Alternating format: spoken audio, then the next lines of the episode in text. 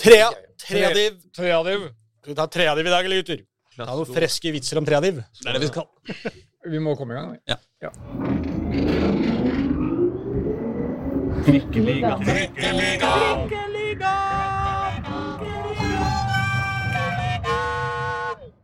Mine damer og herrer og andre, velkommen til Trikkeligaen sesong 4, episode 18. Hvor vi for en gangs skyld ikke har gjest i studio, fordi det har skjedd så kaotisk mye i Oslo-fotballen. Har det ikke det, Håkon Thon? Jo, det er det, Aslak Borgersen. Yes, eh, Hva med deg, Pål Karstensen? Har du skjedd mye i Oslo-fotballen? Har du sett mye. mye? Jeg har sett veldig mye. Jeg har, jeg har sett veldig mye. Men vi har jo med gjest. Altså mer dagsfersk og tidsaktuell gjest enn Håkon Thon. Det er det jo ikke ofte vi har hatt. Ja, for her, her, har det vært, eh, her har det vært blamering, rett og slett. eh, kan, Håkon eh, Thon på direkte nasjonalsendt, eh, nasjonal direktesendt TV. Men det Ja. kommer vi vel tilbake til. Det kan jo være en liten teaser. Absolutt. Ja. Det blir gøy. Hva med deg, Reidar Solli? Har du hatt helt- en livatt uke? Ja, ja. Jeg er helt enig med sistnevnte taler. I hva? At vi har vår egen gjest. Og Ja. det er jo litt morsomt, da. Men, eh, men Ja, nettopp. Vi ser på det sånn, ja. ja, vi ser på det sånn. I unnskyld, da, da begynner jeg på nytt. Ja. I dag har vi en spesialgjest eh, direkte fra TV 2s eh, sendinger i, fra Obos-ligaen. Eh, mannen som dreit seg ut direkte på nasjonal TV og påsto et eller annet om at det var et mål som ikke var et mål, eller et eller annet sånt. Håkon Thon, mine damer og herrer og andre! Og sterk motstander av stolpe inni mål. Blitt nå. Med på Reidars lag der. Vår gamle kjepphest. Ja. Min gamle kjepphest. Skal vi begynne på starten, kanskje, da? Ja, skal Hvor vi- jeg skal vokste opp og Hvor min fascinasjon for fotball og Ja, ja, ja, ja, ja, ikke sant? Nei, men eh, det er nå, nå som vi har tis... altså, Vi skal ikke bare begynne der, da. Kan vi gjøre det? Vi gjør det. Vi gjør det, ja. Er. Håkon, jeg så en overskrift i Nettavisen i går, Ja. hvor det sto sånn uh, kjempeblem.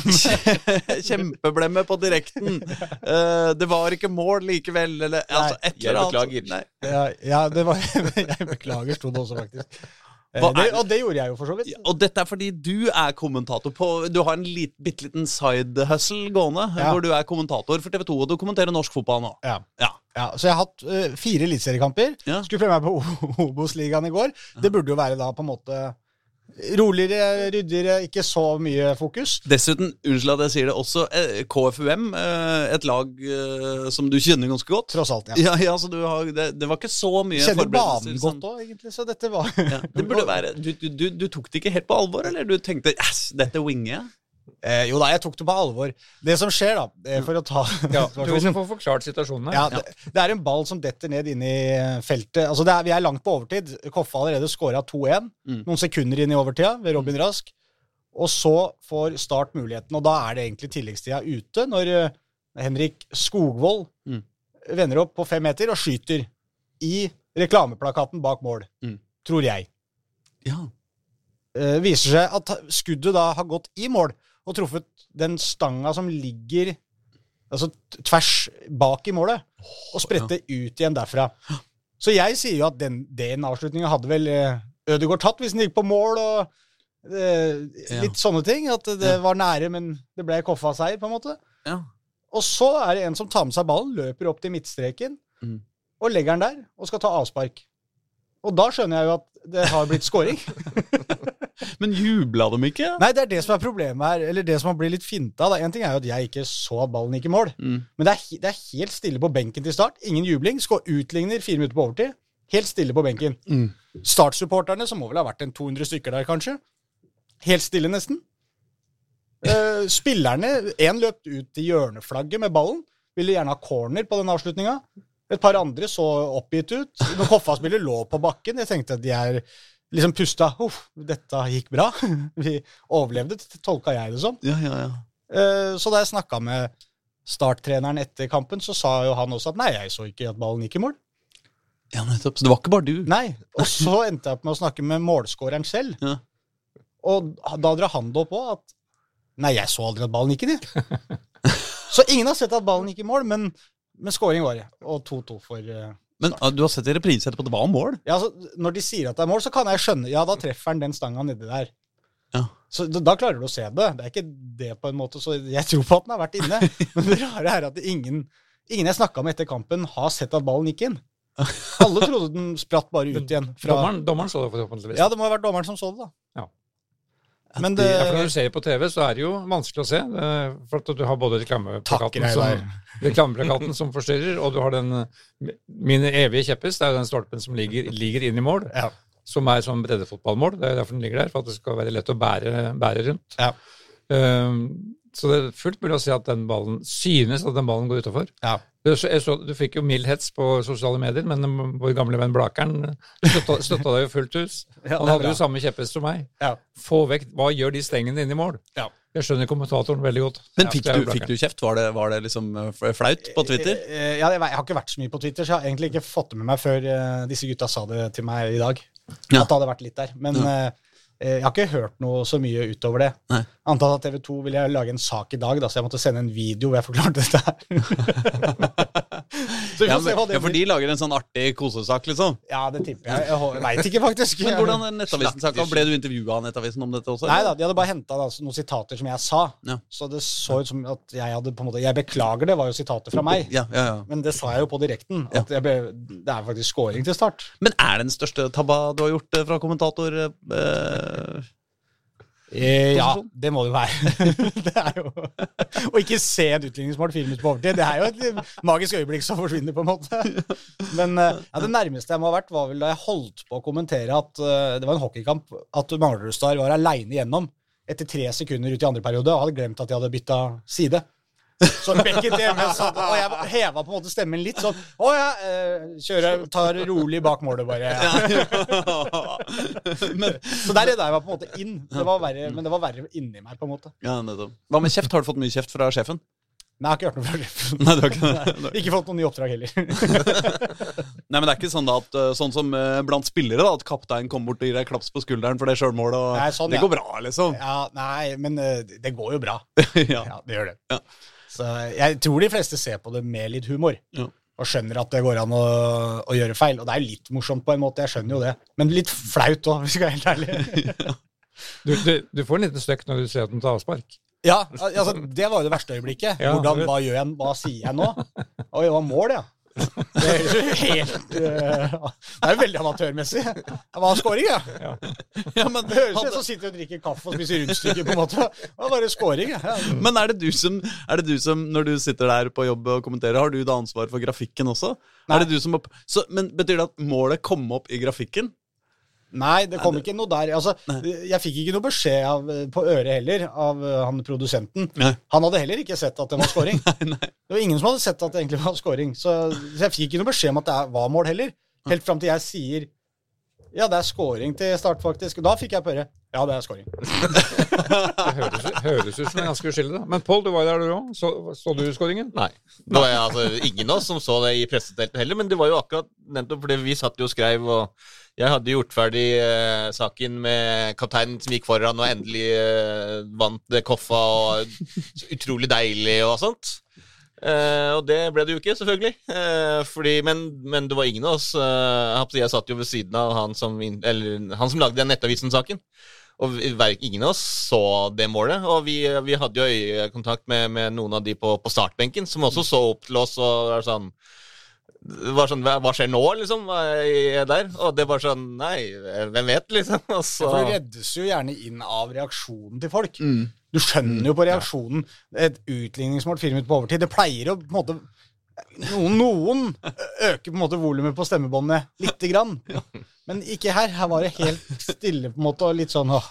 Det ble et tap, liksom. Det var Ja, for du hadde jo fått en anelse hvis spillerne hadde jubla Ja, hemningsløst inni akkurat det. Men når han, når han spilleren nærmest ballen, løper ut mot cornerflagget for å hente ballen, og, og ser ut som han har tenkt å slå et hjørnespark, da liksom ja, Ok, han er der, og treneren sitter på benken helt rolig, og ikke noe Gyllent. Minneverdig øyeblikk. Ah, det er deilig. det er deilig Også så eksklusiv historie her på Trikkeligaen. Bra vi har gjest. Eh, det, Skal vi kalle den opp etter Skal du kalle den det? Med Har vi ikke sånn gjesteepisode? så ja, sånn, ja, ja, da må vi ta bilde av deg. Og, Ja, ja, ja. Det er det full pakke.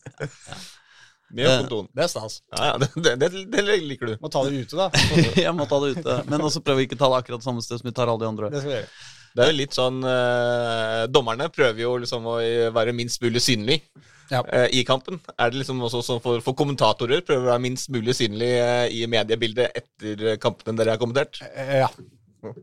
det, det er, Om det er frivillig eller ufrivillig, det vet jeg ikke, men de er ikke så veldig interessante etter kamp, kommentatorer vanligvis. Men, eh, men dommerne har ikke vært helt usynlige den siste uka det gjelder, da. Nei da, nei, nei, på ingen måte. Kanskje vi, var, var det å, Forsøk på en liten Segway der. Få, kan vi snakke om noe annet enn meg nå?! Men vi kan jo konkludere med at Koffa da, på grunn av dette målet som ingen så, så ligger de da fortsatt sist på tabellen. Ja. Men, men var det framgang? For dem? Sportslig? Altså, start Det spørs hvor gode start er, på en måte. Ja, jeg syns Start var syltynne.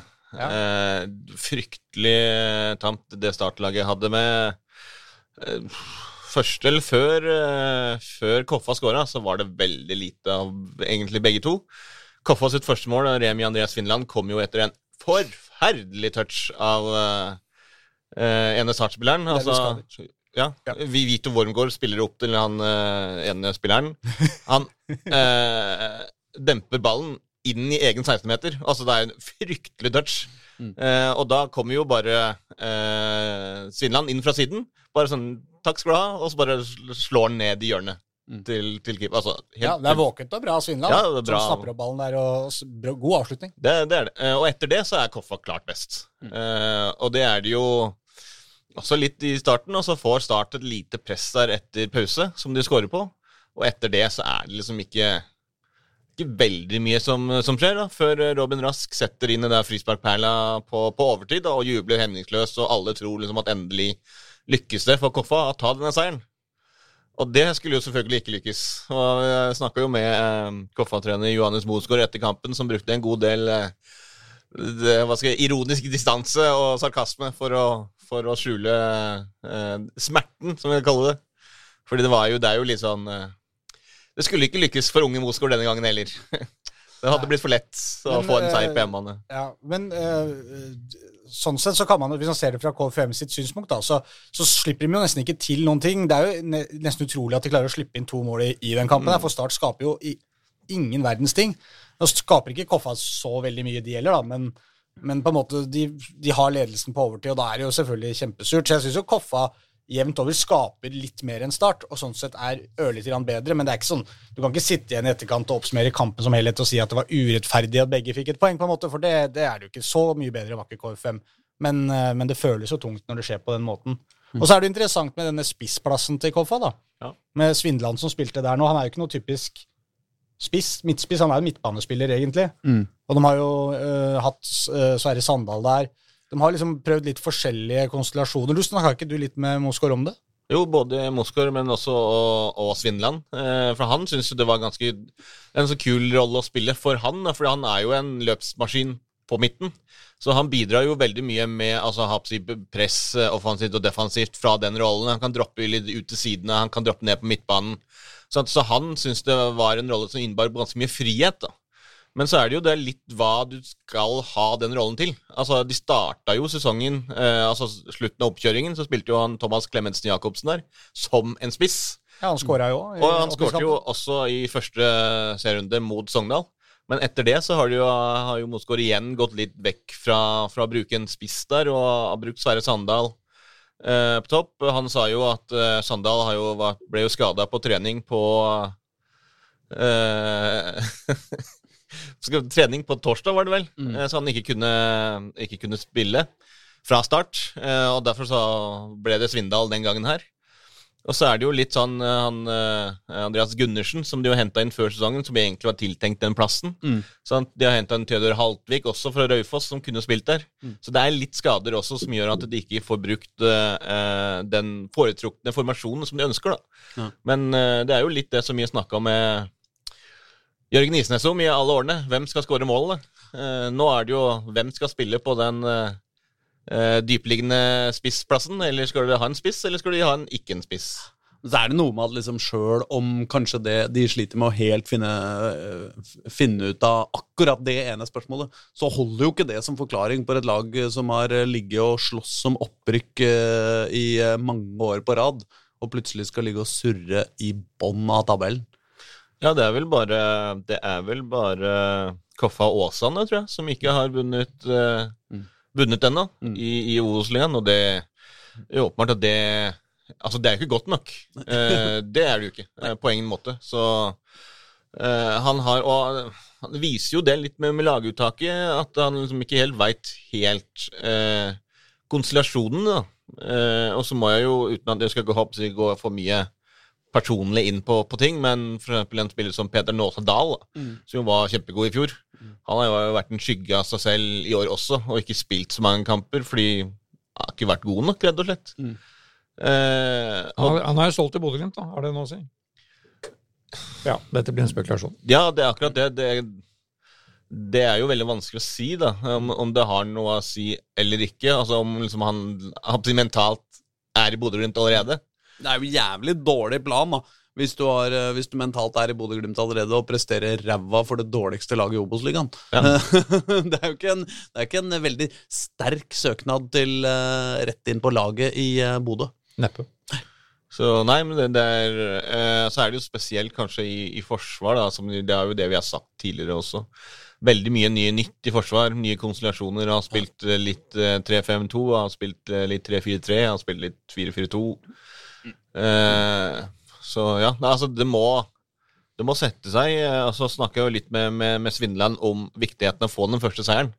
For det snakka vi litt om i, i fjor også, når Grorud rykka ned. Hadde de hadde bare vunnet den første kampen i serieåpningen i fjor, Ja. så kunne det sett annerledes ut. liksom. Men, men det, det handler om det for, for, Mjønda, nei, for uh, Koffa. Mm. Eh, Bare ta en seier. Altså få tre poeng på, på, på brettet, liksom, og så komme i gang. Og nå har de jo eh, Mjøndalen borte i neste kamp, som jo er vaskeekte bunnoppgjør. Siden det er jo Mjøndalen som legger plassen foran de. De gikk jo forbi etter at de vant eh, sin kamp eh, på tampen mot, eh, mot Jerv. Eh, så er jo de da det laget som er foran eh, Koffa. Så det blir jo eh, bunnoppgjør på, til helga. Men dere, vi eh, må jo eh, Vi har så mange andre kamper å, å diskutere. Vi, altså, eh, Vålinga har spilt mot Lillestrøm. Eh, vant 4-1 i går. Det er jo en hyggelig kamp å snakke om, selvfølgelig. Jeg kan ikke huske at det har skjedd noe annet uh, Vålerenga eller Lillestrøm-relatert. Nei, eh, men, må jo fullføre Obos-ligaen. ja da, nei, ja, nei, Jeg mener ikke at vi skal hoppe dit nå. Jeg bare mener uh, altså, alle, de, altså, alle de gigantiske tinga som har skjedd denne uka i Oslo-fotballen. Det var, Ja, ja. det, var det jeg mente. Var, var. VAR og uh, tredjedivisjon og andrelag og alt mulig slags kos. Fjerdedivisjon har ja. vært det.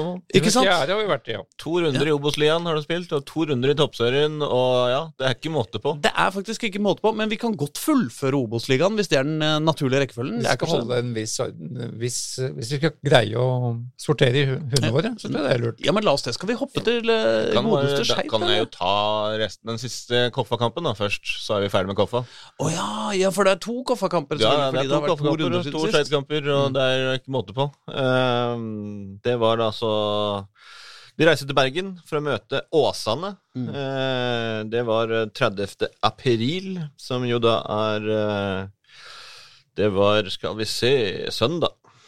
Eh, det ble 1-1. Det var en kamp som bølga litt fram og tilbake, der begge laget hadde sine perioder uten at noen var spesielt gode. Mm. Eh, Åsane fikk en straffe ganske tidlig i kampen som var fryktelig dårlig. Men det som var litt gøy i den kampen, var jo at Emil Ødegaard gjorde jo da sin eh, Skal vi kalle det et, comeback, da. Eh, han har jo, var, var jo skade, ute med skade hele forrige sesong. Spilte én kamp i 2022, Mm. og han spilte én kamp i 2021. Og det var jo da i oktober i fjor, eh, så det gikk jo ett år altså, mellom de to kampene han spilte. Og kampen i går, da, eller den første kampen da, mot, mot Åsane, det var hans første kamp på, på 18 måneder. Og det eh, For det er, jo, det er jo en del som har spurt liksom, hvorfor har de bytta keeper. De har bytta mye på laget. Men akkurat Emil Ødegaard tror jeg er liksom eh, Han er den beste keeperen de har. Mm. Så at du får inn han eh, Han var jo kjempegod den sesongen han fikk spille, før han var ute med skade. Så han gjorde masse gode redninger i, i den kampen. Eh, og så var det jo Sverre Sandal som skårte sitt eh, første mål i, eh, for Koffa. Eh, det var jo en lang ball i bakrom til Obilor Okeke, som jo dempa ballen. I stedet for å prøve å skyte selv, så så han at eh, Sverre Sandal kom løpende. Spilte ballen tilbake til han, som da plasserte ballen i, i hjørnet. Da fikk de med seg ett poeng fra Åsane. Det var det- da. Ja, det, altså, Siste halvdelen av den kampen var veldig bra av, av Koffa. Mm. Spesielt da den, den midtbanekonstellasjonen med, med Robin Rask og Simen Hestnes var strålende. Mm. Og det må de være for at Koffa skal si, begynne å vinne kamper, eh, men også klatre oppover tabellen. Fordi det er, det er ikke mange lag i den eh, divisjonen som har en bedre midtbane enn Koffa. Og, og det er den klart største, altså klart sterkeste lagdelen. Eh, og for at de skal, skal vinne kamper, så må den fungere. Men da kan vi fyke videre til Skeid. Da må vi fyke videre til Skeid, Ja. for de spilte jo da samtidig med Koffa i går. Ja. Eh, De kom jo da fra en meget overraskende 4-0-seier i Ranheim på, i helga, Mm. hvor Kristoffer Hoven skåra hat trick. Men eh, etter en fantastisk allomgang, årsbeste da, hvor jo alle fire målene kom. Men for meg var jo da høydepunktet å følge bevegelsesmønsteret til Skeidoksenes leder, eh, Jonny Normann Olsen Ja. etter hver gang de skåra. Fordi de, de seks skeidoksene sto veldig sentralt plassert rett til venstre for eh, det målet som Skeid skåra i. Ja. Så hver gang ballen lå i mål, så starta Jonny Normann Olsen Ja. på et eller annet løp. Så man skulle komme seg ned til, eh, nesten ned til eh, gressplata. Og så hadde han en sånn bøyle foran seg, så han han måtte stadig vurdere om han skulle bøye seg under den bøyla. Det gjorde han med de to første gangene, og så tok han andre ruter på de to siste, siste Ja, for de skulle liksom ned for å juble sammen med spilleren. Ja, Ja, ja, riktig. ja. ja, ja. Mens de fem andre ble stående helt stille. Å ja, ja, så det var på én Det som løp? det var bare Er det han helt løp. stille, så du vel ikke. De sto og jubla for så vidt. Ja, jubla gjorde det, men, men de, seg ikke så de la ikke inn eh, spurter, slik som han Jonny gjorde. Og Jonny kom seg helt bort i hva var det ene gangen, tror jeg, så løp han helt bort i kroken og ned, og, eh, på en måte, ja, enda lenger vekk fra målet for å komme seg ned en trapp eller et eller annet sånt, og så tilbake igjen der hvor spillerne sto. Ja. Men han så lykkelig ut, da. Ja, ja, ja, ja, men altså, Hvis du først har giddet å dra den lange turen eh, for å støtte laget ditt, så, så må du jo få litt ut av det. Ja, og så var det perfekt TV-regi, for de, var de, eneste, de seks kara var de eneste som var på den tribunen. Men det, det morsomme med det var jo at når du nevnte det, var at jeg satt jo skulle dekke denne kampen hjemmefra, så jeg så den på TV. Og Kjæresten min satt ved siden av og så på henne òg, og hun påpekte det når jeg sa han der eh, som står der, han veit jeg hvem er, liksom. Det er Jonny. Det er han lederen i Skeidoksene. Og så sa han ja, han er veldig morsom hver gang de scorer. Han løper, løper det der. Ja, det virker som du har fått deg en keeper. ja, ikke sant? Hun er glad i både meg og Jonny. Det er bra, da. Altså. Ja, det kan ikke være gærent. Ja, da, men, eh, men, så Derfor kom du da til å møte Moss i går. Da var det jo litt flere enn de seks på Skeid oksestallen. Mm. Da var de ganske tallrike. Mm. Det var litt over Båsen kan vi vel kalle det. Eh, Oksebåsen. Oksebåsen. Oksebåsen. Okser er visst båser, ikke stall, er ikke det? Jo, det er nok det. Ja, det stemmer. Ja, det stemmer ja. ja du, er, du har eh, Agro, jordbruksbakken. ja, agronomisk Agronomisk. kunnskap her. Ja, nei, så da, da kan jo da, Det endte jo da 2-2 mot Moss, og Skeid kan jo da skryte av å være mestskårende i Obos-ligaen. Hei! Eh, det er jo sterk kontrast til hva de var i fjor, kan man si. Er det sant? Det er Er de sant. mestskårende i Obos-ligaen? Ja, de har skåra ti, ti mål. Er de mest innslupne også? Ja. Ja. Eh, tangert med andre, tenker jeg. ja. De er på en måte. Obos-ligaens Vålerenga 2. Ja. ja. Se Det er faktisk ikke sant. Eh, Vålerenga 2 er jo er Det er, det er et kapittel. mer ja. Sammen, sammen med Jerv nå har de uh, skåra sluppet inn flest også. Ja. 10-10 Ja. 10-10 i målforskjell. Det, ja, men, altså, jo, men det er jo ikke så i kontrast, fordi også i fjor så var jo eh, Nordre Åsen den banen det ble skåra flest mål på. Så, Ja, altså, det Skeid eh, Skeid er jo åpenbart det mest publikumsvennlige laget Ja. i uh, Obos-ligaen. Det er helt riktig. Ja, for i fjor I en tapte vi stadig vekk 2-3 og 2-3 og 2-3 og slike ting. Og det- Sånn, det sånn blir det en del mål av. Ja. Nei, så det starta da med en kjempe Og det var jo flotte skåringer. Mm. Erik Nordengen først, som er kanskje en av de spillerne som har, har overraska mest positivt så langt i det Skeid-laget, som nå er fast inne. Mm. Kjempefin pasning fra Fredrik Flo, lang i bakrom. Han tar den på brystet og banker den i via tverrliggeren og i mål. Flopasning. Eh, Flopasning, selvfølgelig. Mm. Og så Må jo også spørre mens vi er der eh, Altså, det, det er jo en Nordengen på Lillestrøm også. Er de i slekt? Nei, vet ikke. Ingen har svart. Det, det er jo en tidligere ordfører i Oslo tross alt, som het Albert Nordengen. Så Det mener jeg du har spurt om før, men uh, ingen som har Alle nedstammer fra han, vil jeg anta. ja. alle ja, ja, ja, Det virker sannsynlig. Eh, Maxwell Effion. Mm. Fin 2-0-2 Nei, det ble da, 2-2. da leda Moss uh, 2-1. Så det var 2-2. utligninga da ikke så mange minutter før slutt der. Beherska scoring, ball nest, ikke opp i krysset, men i borte til hjørnet. Etter at um, Moss, Mossekeeper, eh, vår gamle venn fra Oppsal, Mathias Eriksen eh, Randmark, Mm. han, eh, han tror jeg er en kommende storkeeper. Jaha. Han er nesten to meter høy. har en enorm rekkevidde. Han berga jo Moss eh, da, da Bendik Riise la et fantastisk skudd helt opp i vinkelen i siste spilleminutt. Mm. Da lå han der som en strek og slo den til corner. Han, han kommer som sagt fra Oppsal, eh, har jo, er jo sterkt arvelig belastet fra VIF-miljøet, Mm. Med- som nevøen av Bengt Eriksen og barnebarn av Leif Eriksen, den gamle VIF-trener. Mm. Uh, Snakka litt med Thomas Myhre, uh, Mosse-treneren, om han etter kampen. For han bør jo ha keeperspisskompetanse, vår, vår venn. Så han trodde han gikk til Eliteserien. Uh, om ikke ja, denne sesongen, så i hvert fall ja, en kommende storkeeper. Men uh, begge, begge lag var sånn rimelig fornøyd. 2-2. Moss har jo starta også litt over forventning. Skeid er jo langt foran fjorårsskjemaet, men nå har vi fått på skjema å legge vekk det fjorårsskjemaet, for det er, er ikke relevant lenger. Nei. Men uh, de har høyere kvalitet i alle lagdeler. Jeg skjønner ikke hvorfor man skal legge vekk det skjemaet. Det er jo mye morsommere å være foran et skjema enn å være bak et. Ja, det er jo det. Nå er det det var I fjor var det null poeng til 17. mai, nå er det allerede Fem? Fem. Fem, ikke sant? Det er fem Ja. poeng foran skjema. Det er ja. mye gøyere, det. Mye gøyere. Fredrikstad er borte i neste match. Og da får jeg eh, sjekka faktisk Koffa har jo sin eh, dårligste sesongåpning Mm. i Obos-ligaen. Av de sesongene de har vært her, da. Ja. Det er ikke så mange, men likevel.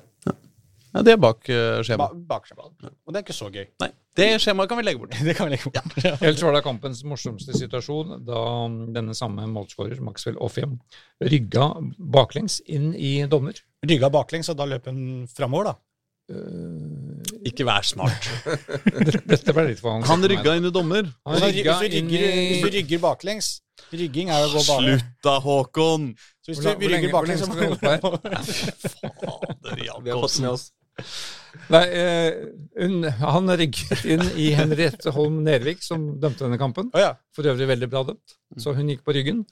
Og opp med beina. Eh, Du kan se et, et veldig morsomt bilde av Vidar Ruud, som tok fange av dette øyeblikket. ja.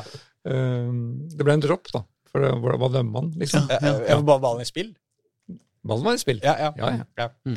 Eh, ja, bildet er dårlig på radio, men, men situasjonen må nevnes. Jeg syns det bildet var veldig gøy i radioform òg, jeg. Absolutt. Skal vi da bevege oss, eh, du som er opptatt av struktur, eh, Solli. Ja. Skal vi bevege oss opp, eller ned eller til sida? Ja det er sånn jokerspørsmål, er ikke det? Absolutt. Hvordan, er det, hvordan beveger vi oss til sida? Er vi ikke ferdige Nei, Vi kan bytte kjønn, for eksempel. Ja, men førstedivisjon kvinner? Nei, jeg bare mener at det er en slags sideforskyvning. Ja, hvis man bytter kjønn. Altså, det, vi har mest å snakke om, er jo da øverste nivå, da. Ja. Slik jeg tolker det. Eh, Eller skal, vi, skal vi gjøre oss ferdig med det som er under, Ja, da? vi, kan godt, eh, vi kan godt gå nedover. Lyn, Grorud. Pål var der.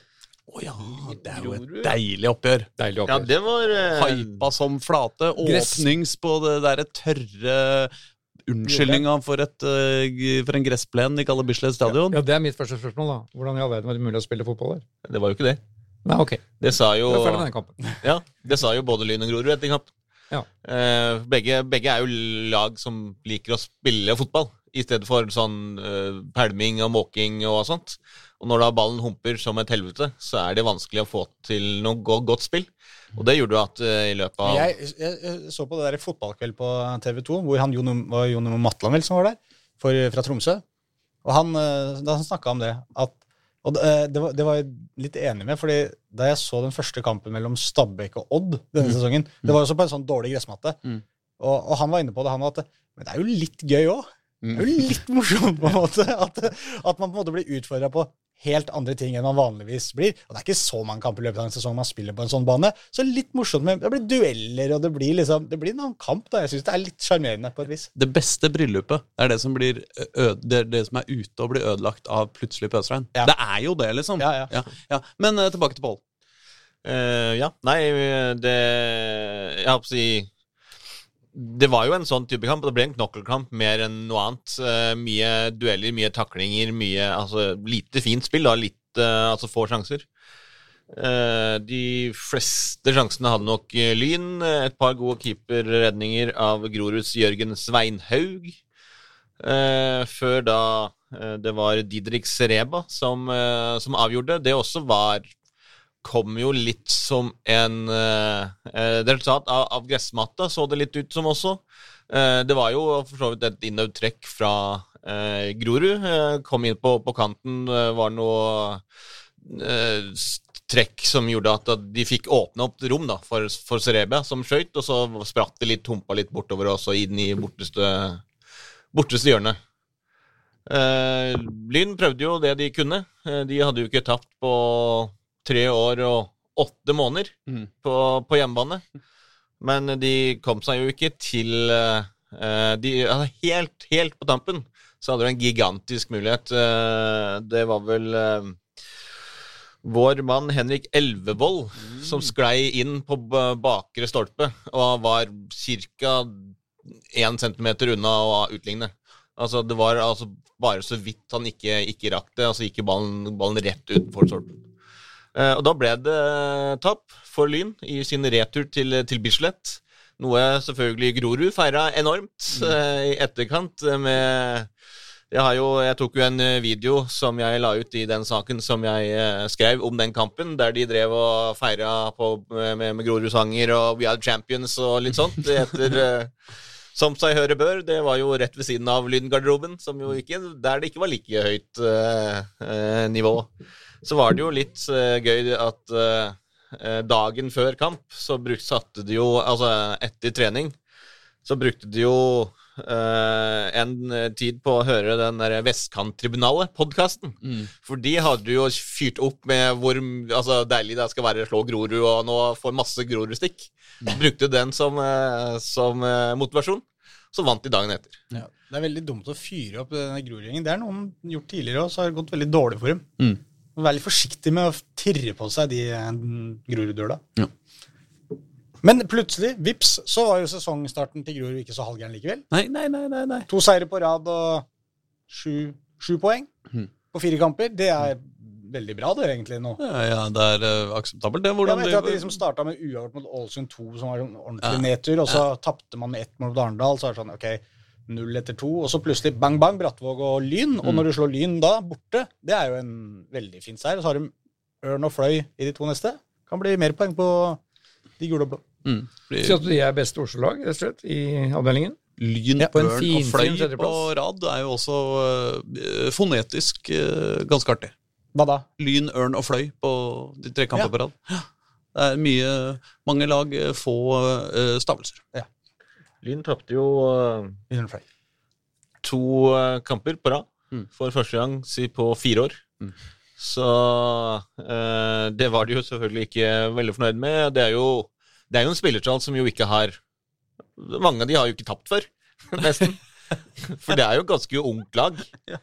Det er jo selvfølgelig en del der, altså mer en sånn type William Sell og, og de der mer rutinerte. Mm. Men av de, er altså litt som yngre, da, som, har, som Jan Halvor har tatt opp på, på det lynlaget gjennom fjorårssesongen. Mm. Har aldri vært med og tapt en kamp. Og så bare, Hæ, hva Går det an å tape i fotball også, nå? Liksom, er det, Det er som når man snakker om første målet til en spiller, på en måte. Mm. Det er jo sånn, De har jo tross alt spilt mange år med barnefotball og juniorfotball, så de har jo skåra et mål ofte. Ja. Og de har jo selvfølgelig tapt noen kamper. Men det er litt morsomt likevel at de aldri har tapt en kamp. Det er helt nytt for dem. Hvordan skal de løse det? og det løses jo med å tape en kamp til, da. Ja, ja, men Altså, det er jo ikke løsningen. Nei, nei, det er jo en dårlig løsning.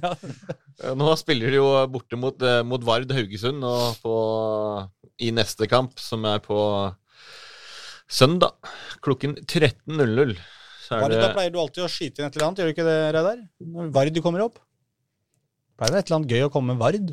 Jeg er gøyalt med Vard, bortsett fra cupfinalen i 1975. da de tapte på Borgen. det er, vel, det er vel gjerne Det det vi Og så spiller eh, rødt og blått, Ja.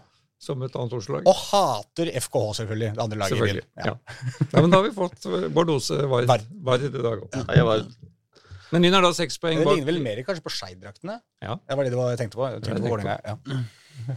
Vålerenga blir ikke rødt og blått. Nå tar programlederen fram klokka. Nå er det. Da var uh, Lyn Jeg er langt inn i TikTok jeg, nå mens dere prater, så nei da. Da var. Lyn seks poeng bak serieleder Egersund. Så det er Egersund og Arendal, som vel begge alle har pekt på før seriestart, som de to fremste lagene som Ja. topper tabellen. Fordi Arendal fikk eh, 11 11 plussmål servert av Vålerengas antall. ja, det var uh, Så må- han nå sendte øynene over på deg, Aslak. Ja, ja, ja. Jeg må altså, si at det var uh, Altså, det, det var en blytung affære å se på. ja, ja, du så Fordi på du så jeg, kampen, lagde jo, jeg så jo på den kampen, jeg lagde jo sak på det. Og det er Jeg regner jo det Det er ingen som tenker på det. Altså, den kampen har fått mye omtale og mye kritikk. Mhm. Men det er ingen som tenker Altså, Folk kan jo bare skru av, det er mer sånn irriterende. Men han, stakk, han ene stakkars journalisten fra Dagsavisen som måtte se alle de 90 minuttene, det må Vålerenga også tenke litt på når de plukker ut laget sitt. Men det jeg så jo på det før eh, start, eh, eller før kampen, det var jo at eh, altså det er jo alltid, Jeg syns det er gøy å se på sånn type Stian Torstensen og altså de der unge talentene da, Mm. sant, til, til, til Vålerenga. Eh, men når det kommer da med et lag som hadde 16 år i snitt Mm. mot opprykksfavoritten på bortebane Mm. Altså eh, Du kan jo si veldig mye om det, og det kan vi helt sikkert gjøre etterpå, men, men det er jo virkelig si, gutter mot menn. Og det så du også. At det var liksom bare at Altså, ja eh, Arendal spilte jo for så vidt bra fotball, liksom, men, men det var veldig sånn Altså veldig stor forskjell på intensitetsnivået, eh, på, på taklinger, på liksom dueller, altså sånn, Så det var ikke sånn at de gjerne broderte seg gjennom og masse fantastisk. Det var liksom De gikk gjennom, og så var de bare sterkere, og så ja. Mm. Hadde det ikke vært for Magnus Dær Jensen, så kunne det jo blitt kanskje 15-16-0. Fordi han, altså, Magnus Dær Jensen slapp inn 11 mål, var banens suverent beste. eh, altså, han redda veldig mye, mye bra. Kjempemye gode enhåndsredninger, ned til sider. Altså, han var, han var, han var god, og eh, jeg håper, du, det, det har jo vært det som har vært litt mye av diskusjonen. Hva, hvor mye utvikling er det i å reise rundt og tape 11-0? Og for storparten av det laget så var det jo ikke det. Men for en da, spiller som Magnus Dær Jensen, som jo virkelig får testa seg i en sånn kamp og får et skudd på seg hvert minutt, så er det nok kanskje det. For han var oppe i mange situasjoner, eh, både alene med keeper og masse ulike typer scenarioer, Mm. som jo han kan, eh, han kan ta med seg. Men du skjønte jo det når det var 3-0 etter ni minutter, at det her eh, det her blir tungt. Men fordi det er jo faktisk det, eh, Vålerenga har jo på en måte sluppet unna mye juling for dette, fordi det er sånn reglene er og sånn. Men mm, i, Vålerengas forklaring på hvorfor man gjør dette, altså at man sender eh, lag fullstendig uten sjanse til å vinne på vanskelige bortekamper, og eh, stiller ganske gode lag med bare stappfullt av, eh, av kommende stjerner eh, på hjemmekamper. Eh, det er sånn reglene er, og det er greit, og det er lov og sånn.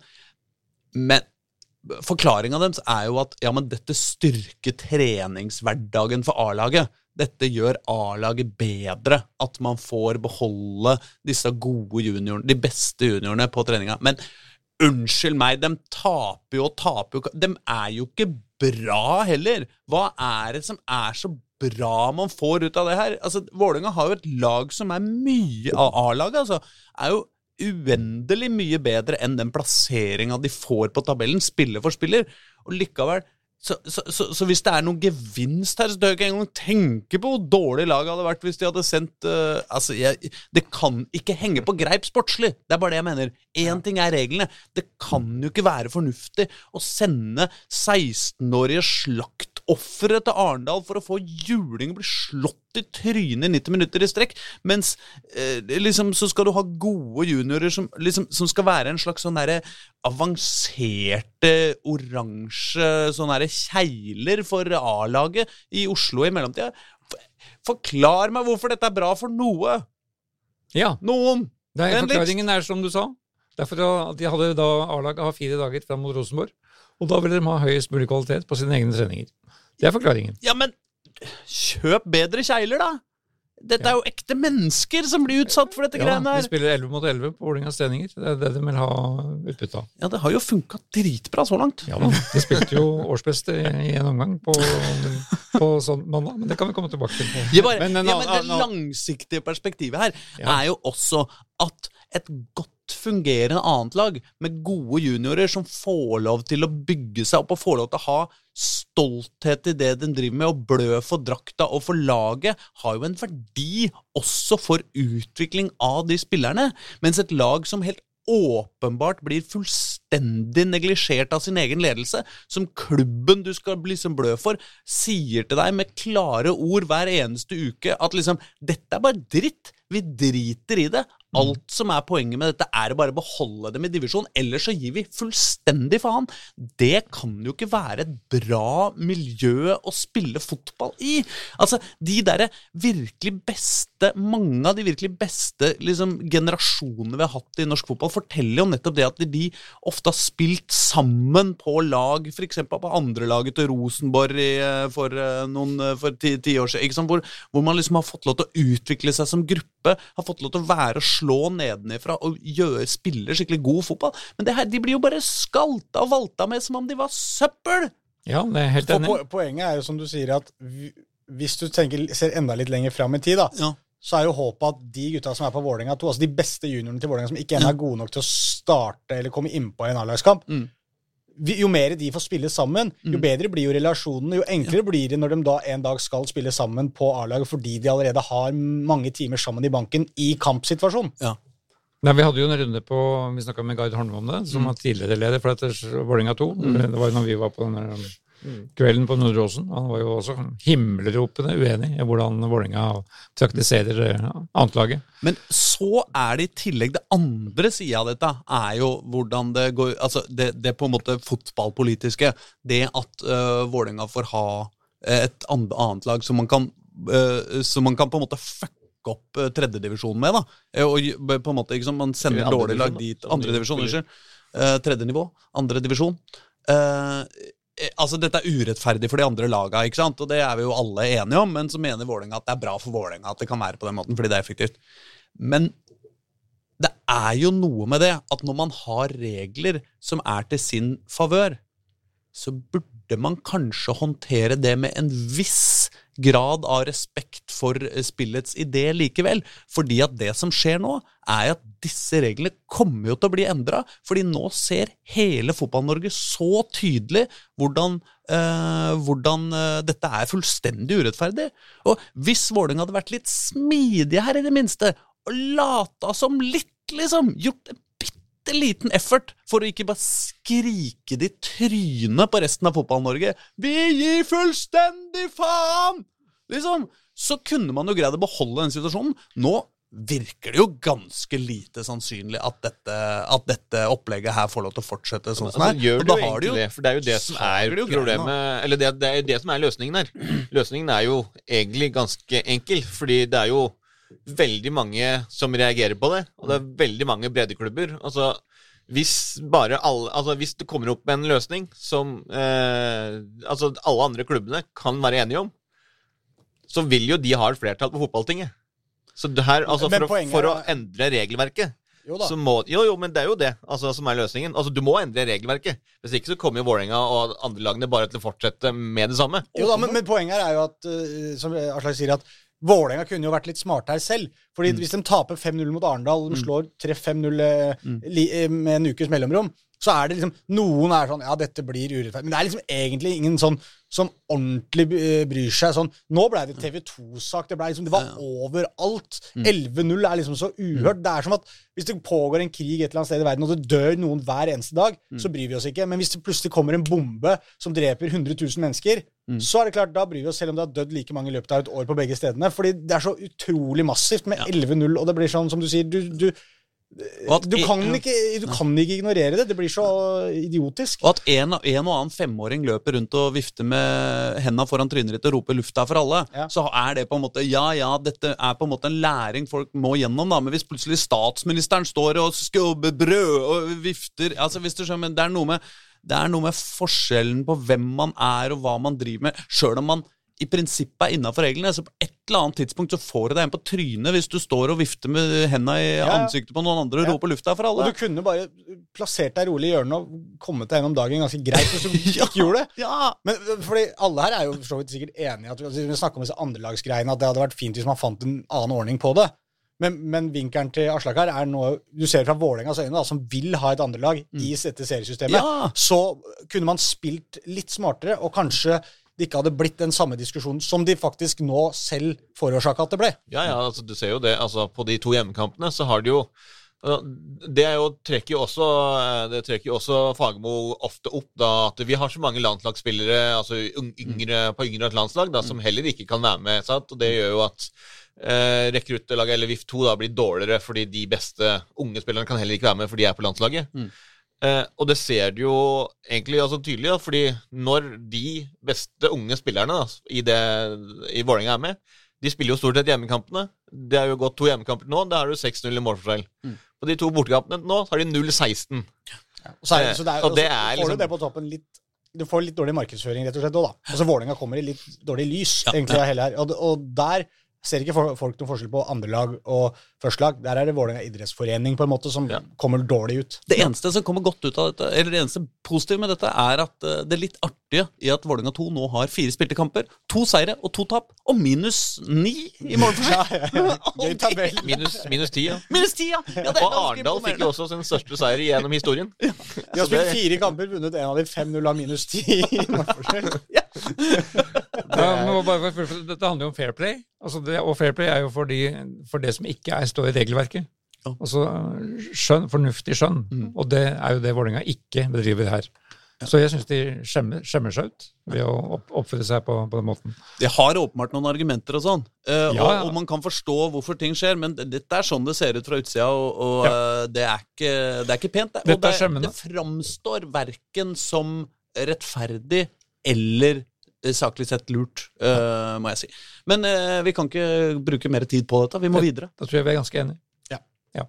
Vi må videre. Ja. Dette er vanlig visjon. Vi må ta bare nevne at Kjels- Kjelsås tapte i sa- samme avdeling. Mm. Skuffende, borte mot Fløy. De var himmeltopende uenig i, i situasjonen som førte til hjemmelagets mål. Mm. Men det får vi la ligge, tenker jeg. Ja. Eh, det tar vi neste gang. Eh, ja, men vi får feire at, eh, at Ullern da fikk sitt første poeng Ja. i den andre avdelingen, som vi sjelden snakker om. Kristoffer Skåren skåret på- på, overtid. Skåren. Skåren Skåren, ja. skåret. Ja, Skåren skåret på overtid. Men da har, da har da trener Børven like mange poeng som spiller Børven i, Ja, det er riktig.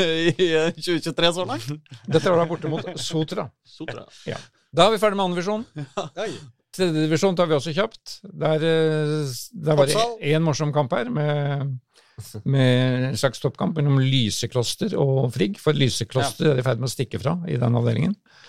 Um, det endte 3-2 til Lysekloster på Torteberg. Etter at de leda 3-0, og så skåret Frigg i det 89. og 92. minutt. Så den kampen var ikke fullt så jevn som eh, resultatet skulle tilsi. Det er noe deilig norsk over, eh, over dette, disse, alle disse orda. Lysekloster mot Frigg på Tørteberg. Det er liksom litt sånn Det svinger. Det høres ut som noe noen har funnet på. Ja. Det høres ut som en kamp fra 1293. ja, ja, ja. Det, var, det var slaget på Tørteberg, hvor Lyseklosters konge Frikk fra hovedstaden! Og så kommer vel Nordstrand, som vel er fortsatt en av Norges eldste klubber. Apropos 1293. Ja. Så de vant sin, sin kamp, så de er vel da på De skal jo blande seg inn i den opp, opprykkskampen. Ja, det hadde jeg vært gøy, altså. Om Nordstrand uh... Men hva de slo, det var, dette var jo jeg skrev om. Men, uh, ja. Ikke pent å slå, regner jeg vi Det er ikke pent å slå. Nei, det er ikke det. Sarpsborg sitt annet lag slo Sarpsborgs de annet lag. 2-0. Det meste skjedde før pause, dette oppgjøret, skrev du her. Ja, og så spilte de hele omgangen med ti mann. For de fikk en utvisning etter akkurat samme minutt som vi så en utvisning på Intility på 1. mai. Ja, det husker jeg ikke. Og dette, denne kampen gikk også 1. mai. Så, Jøss. Men Nordstrand klarte seg da med ti mann i annen omgang. Det gjorde ikke det andre laget vi senere skal snakke om. Jeg lurer på hvordan det gikk i den kampen. Jeg kan ikke, jeg, har, jeg har glemt. Da går vi til topps. Da går vi til topps. Toppserien. Toppserien. Vålerenga, Lillestrøm. Ja, skal vi til bunns? Skal vi til bunns først? Eller skal vi til topps? Vi, Ja, toppserien. skal vi til bunns etter uh, Vålerenga? Det er jo helt greit. Vi snakker om fjerdedivisjon. Jeg, jeg, jeg, jeg, jeg, jeg forstår ingenting. Nei. Ja, sånn, ja. ja, det er, ja Det er jo vi bunns, det er fjerdedivisjon. da? Skal vi gå til bunns, da? Enda jeg fikk, Nå fikk jeg sånn Vålerenga-tenning. Ja, nå vet du. Ja, Men, du eh, har, nå, nå har du snakka ganske mye om Vålerenga. Absolutt, absolutt, men det har vært negativt hele tida. Ja, ja men det blir, blir vel ikke så mye mer positivt. Ja, altså damelaget Til toppserien, jo. ja, Jo da, jo da. Greit, snakk om eh, bydel klassiko. Nei, bydel klassiko. Det er litt artig, Ja, eller? altså, Nå, veldig, nå må jeg følge med, for det, nå skal Har dere sagt resultatet? Nei. Nei. Du vet at det, det er jo, jeg er jo Gryner, og han er jo Union Carl Berner. Da setter vi over til vår, mann som var der. Ja. Ok, Jeg var jo Får vi, Hvordan skal du lese opp stillinga? Blir det, får vi noe dramaturgi her, på en måte? Du kan jo legge opp dramaturgien som du vil. Ja, det er, Jeg veit ikke åssen det gikk. Nei, det kan jeg, jeg kan lese det opp for deg nå. Jeg gjør det. Det første målet som ble skåret Ja, Hvem skårte det første målet? Når kom det? Det kom eh, 93. minutt. okay. Det blir lang og god oppbygging, dette. Ja. Ja. 93. minutt. Så det ble bare ett mål? Det ble ett mål. Oi. Det skårte det 93. minutt. Og hva- var det, Gryner, da? Det var det ikke, fordi Union Carl Berner vant 1-0. Oi, oi, oi. Blytungt. Blytungt for Håkon Thon der, Ja. altså. Ja. men- Gratulerer, da, Pål. Eh, ja. Men det ble jo en, veldig stort. det ble jo en hyggelig tur hjem da for eh, bortesupporterne fra Carl Berner. ja. Ja, Jeg for håper jo ikke det. Det er nede på Dælinga, er Håper det de ikke fikk høre det litt på vei hjem, liksom. Ja. I hvert fall de kom over Ring 2 der. Men altså, det var eh, det? Nei, de kommer kanskje ikke over. Det er jo på Ring 2, Ja, da. det egentlig utrolig eh, veldig, veldig kjekt, egentlig. De starta jo 22.20 eh, Nei, 20 Altså 10 på Her skal vi ha med alt, da. Ja, ja.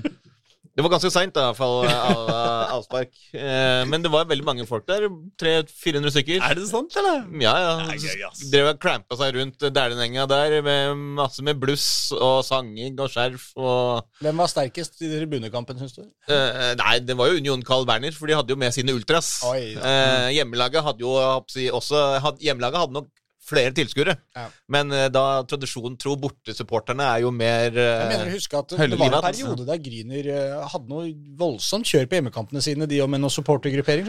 Men du veit jo at bortesupporterne har jo drikke hele turen, ikke sant? Og sitter på bussen time, time etter time på bussen. Og... De tar- ikke bussen, de tar vel sykkel, tenker jeg. De sykla ned, tenker jeg. Jeg tipper at det går. Tandemsykkel, lang tandemsykkel. Kan ta én hold, en holdplass på 20-bussen, og så gå ned til bommen der. Så, ja. Det er sant, det. Men, uh, Det men var- er det noen tribuner der nå, egentlig? Altså, De Nei de, det og de, nei, de har jo drevet og pussa opp, De driver fortsatt og pusser opp, Ja. som gjorde at kiosken var et bord.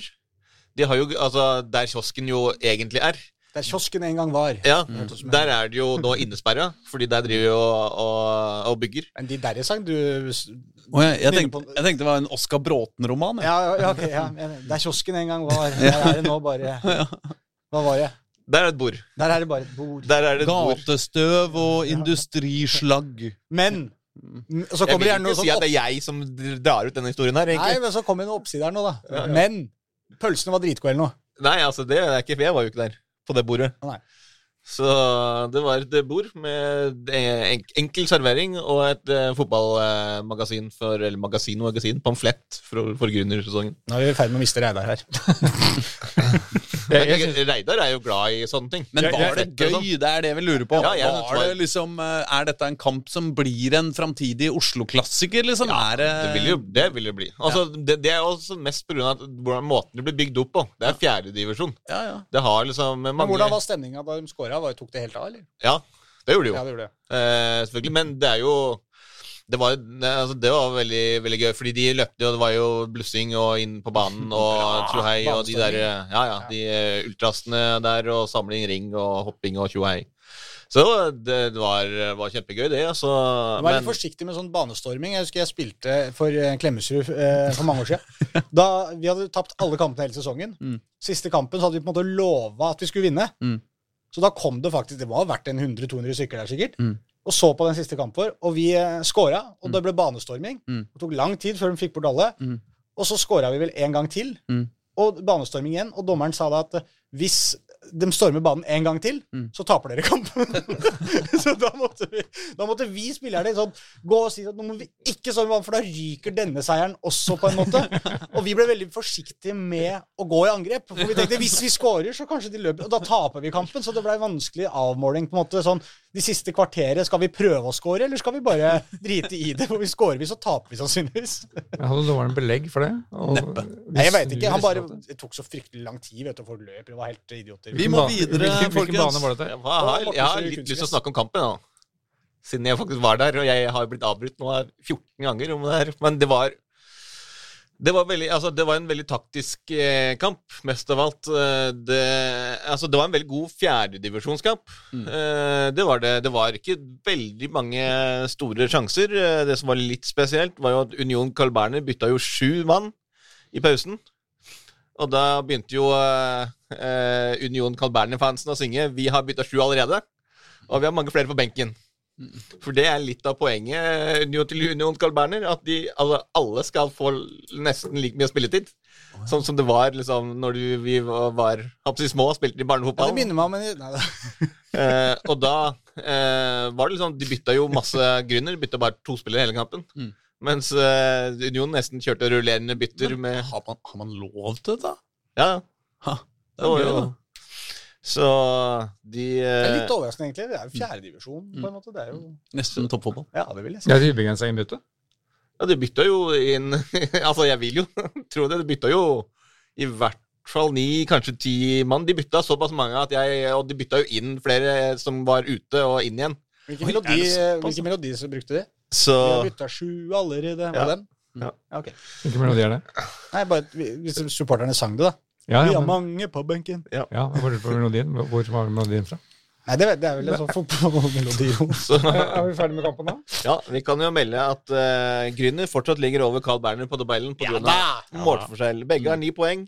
Grüner er bedre målforskjell. Suck it, Carl Berner. Men jeg syns jo bakgrunnshistorien for hele Union Carl Berner egentlig er den morsomste. da. Ja. For dette er jo samme gjengen som står bak Over Oslo på Grefsenkollen, oh, ja. som bygger opp denne klubben. Fordi de skal lage Det er vel, blir vel landets største fotballpub.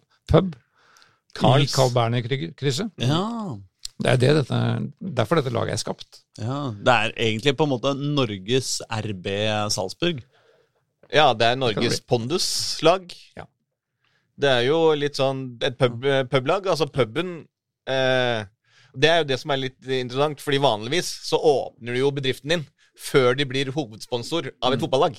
Mm. Men her har det jo gått motsatt. Ja, ja. De har blitt hovedsponsor av et fotballag et år før puben åpner.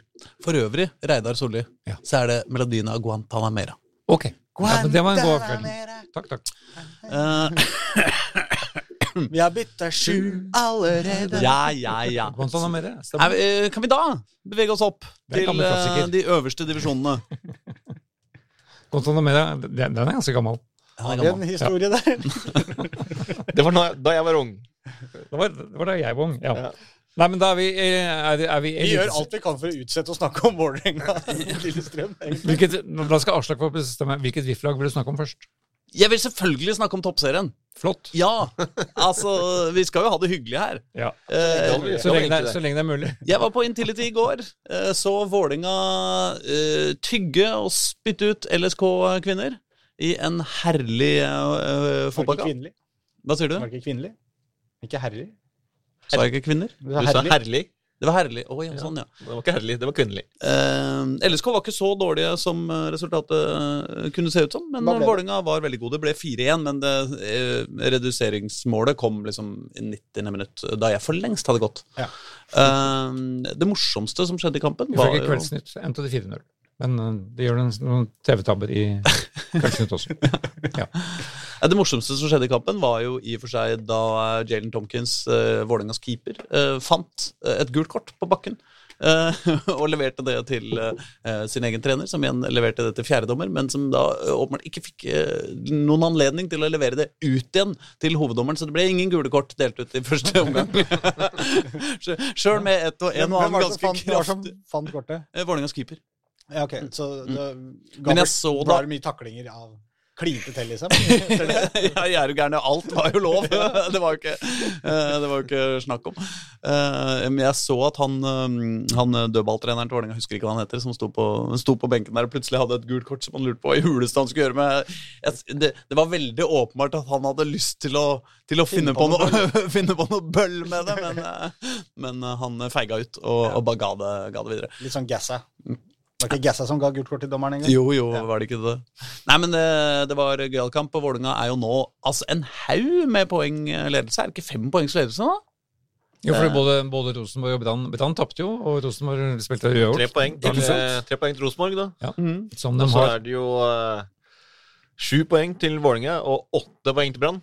Så ja, Så hvis du hadde tippa at Brann lå åtte poeng bak Vålerenga etter sju kamper Ja. i årets eh, toppserie. Ja. Det hadde vært høy, høy odds for. Halleste Vålerenga er nå det eneste laget som ikke har vunnet, og det har bare at den, fått en uavgjort mot Røa. Som ikke har vunnet. Det er ikke har tapt, mener jeg. Unnskyld. Uh, men det var Stadig eh, tabber. Ja, Stadig tabber. Nei, men, eh, men det var jo også deilig for å, 17-2 i Målsfjell. La oss høre. reise på en måte Vålerengas moral overfor at vi skal kunne med eh, rett i ryggen og med rak nakke eh, kjøre flytoget forbi Lillestrøm også i framtida. Ja.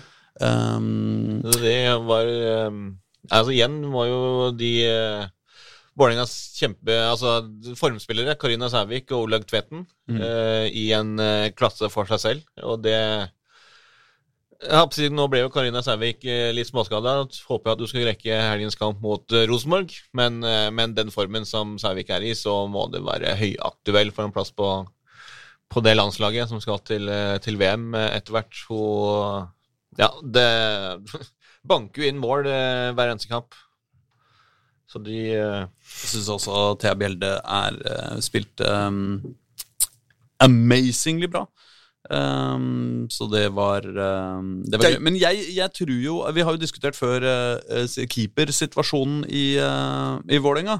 Og uh, at Guro Pettersen Det er jo mange som ønsker at Guro Pettersen skal, skal på en måte tilbake i laget. Og etter at Jalen Tonkins spilte en særdeles dårlig kamp borte mot Brann i forrige runde, så var det jo uh, Var ikke det forrige runde? Åsane, ja. Hvis Ja, men, ja, unnskyld. eh, Nei, men den, ja, Var det der du spilte Nei, men bom. Jeg vet ikke, men altså, de var i, Brann, i Bergen forrige kamp og møtte Åsane. Da vant de også 4-1. Ja, det er sant, Det det. var forrige serierunde. Nei, men det var ikke den kampen. også Nei, jeg tenkte på. Brannkampen. eh, Ja, det er tre runder siden, det. Det har blitt allerede.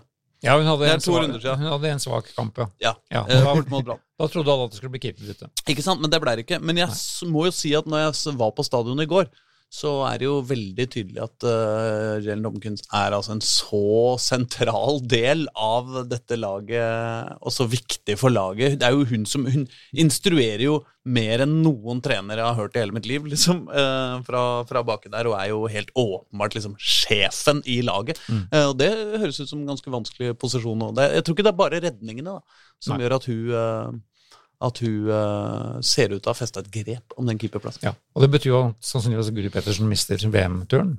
Kan, kan fort skje. Kan fortsette. Det var jo da sannsynligvis hennes konkurrent som sto i andre mål i, i går. Jeg vet ikke hvordan- hvordan hun framsto. Var det noen av disse målene mulig å ta, eller var Cecilie Fiskerstrand kan da Jeg vet at Hege Riise er begeistra for henne, og hun er på vei tilbake etter skade, så Nei, altså det første var det første målet til Vålerenga som var, eh, som var eh, direkte fra ganske spiss Ja, eh, fra- vinkel, og som Mm. gikk i beina på henne og mellom beina. Så var det nok ikke noe sånn der verdens beste keeperprestasjon, men, men jeg skal ikke si det var tabbe, eller. Nei. Og 2-0 var i hvert fall ikke noe tabbe, for det var et godt skudd i hjørnet der. Olaug Tveten. Olaug Tveiten var i tredje, det var vel fra ganske kloss hold. Så det var vrien også. Jeg er glad du ser på meg litt spørrende i blikket. Ja, for du var der, sa du? Ja, men jeg var jo der bare en stund. Jeg rakk ikke å se hele kampen. Jeg måtte gå. Ja. Det var jo etter 49 minutter, da. 3-0-målet. Karina Sævik. Mm. Så det fikk du med deg. Eh, nei da. Nei da. Nei, da. Jeg var der til pause. Ja, du var til pause. Ja. ja, for nei, fordi det blir for dumt å være der hele kampen. Ja, ja, ja, er du ikke. Det, det går ikke. Noen standarder. Men da, vi andre så disse skåringene på TV, og de var fine. Og jeg, jeg mener jo Olaug Tvetten har vært Vålerengas beste spiller Ja. Mm. så langt i år. Mm. Olaug Tvetten fall- Og- han må jo banker på en Og den landslagsdør. blideste. Det henger ofte sammen. Ja, det gjør kanskje det. Ja, beste er ofte blidest. Men det er konkurranse på Bortsett blidest. fra Janne altså. Allen. Han var aldri blid. Selv om han ofte var best. Han holdt, det er riktig. Skal vi, begynne, skal vi ta en runde om Janne? Hvilke andre kamper var det som har blitt spilt i toppserien eh, siden sist? da? Kanskje Jeg skal har jeg jeg har, hopp-pod? jeg har vært i Lahti og snakka med ham. Nei. Og det, og det var eh, da, da, da, Det minner meg om den filmen uh, Rolf Wesenlund fra 60-tallet. 'Mannen som ikke kunne le'. Vi prøvde å spille opp til den. Ja, for du dro på med dine friskeste vitser, du. Selvfølgelig. Ja. vi skulle vi bare stikke og tatt en kaffe imens? Eller? Altså, Så jeg er veldig glad i å om- høre gamle Jan og Og da Auen-historier. Jan Aalen, så bør man over til Martin Nyken nå, men det kan vi, det kan vi kanskje ta til vinteren. Ja. Altså Bare vi ikke handler i Åge Aleksandersen, så er jeg i og for seg Det skal vi ikke gjøre. Bra. Nei. Men vi skal til Trondheim da. snart. Eh, Skal vi dra til, til, til Er vi eh, ferdig med det? Vi har jo et uh... Vi har jo vel to andre Vi må da ha hatt det. Lag Ja. eh, som har spilt også to kamper. Ja, vi skal bli ferdig med toppserien, da. Ja, det var det jeg tenkte Ja, ja, på. ja. Det er toppserien, det. Ja, Rød er jo den, eh, i mine øyne den største positive overraskelsen i den ligaen så langt. Nei, nå må det slutte. Altså. Hvem er den mest positive overraskelsen? Vålerenga? Ja, Vi har jo tippa dem som Vi har jo tippa dem som seriemester. Jo, men vi har ikke tippa at de skulle være fem poeng foran etter sju runder. Jo, jo. Å, ja. Det lå i, lå i tipset. Det lå i tipset, det Det er helt på skjemaet, det. De- Vålerenga er akkurat der du skal være. Verken, verken mer eller mindre. Greit, greit. Dette greit. så vi komme for lengst. Jeg kjøper den. Mens Røa, derimot de, De røde tar poeng i kamp etter kamp, nå mot Stabæk i går. Julie Hoff Klebo, målskårer på Røa idrettsplass. Og så var de veldig fornøyd- misfornøyd med det unødvendige målet de slapp inn. Men Røa har levert over, over forventning. Lyn, derimot Fikk med seg ett poeng mot uh, LSK kvinner òg, i kappen før det. Ja. Skåret også Julie Elise Hoff Klæbo.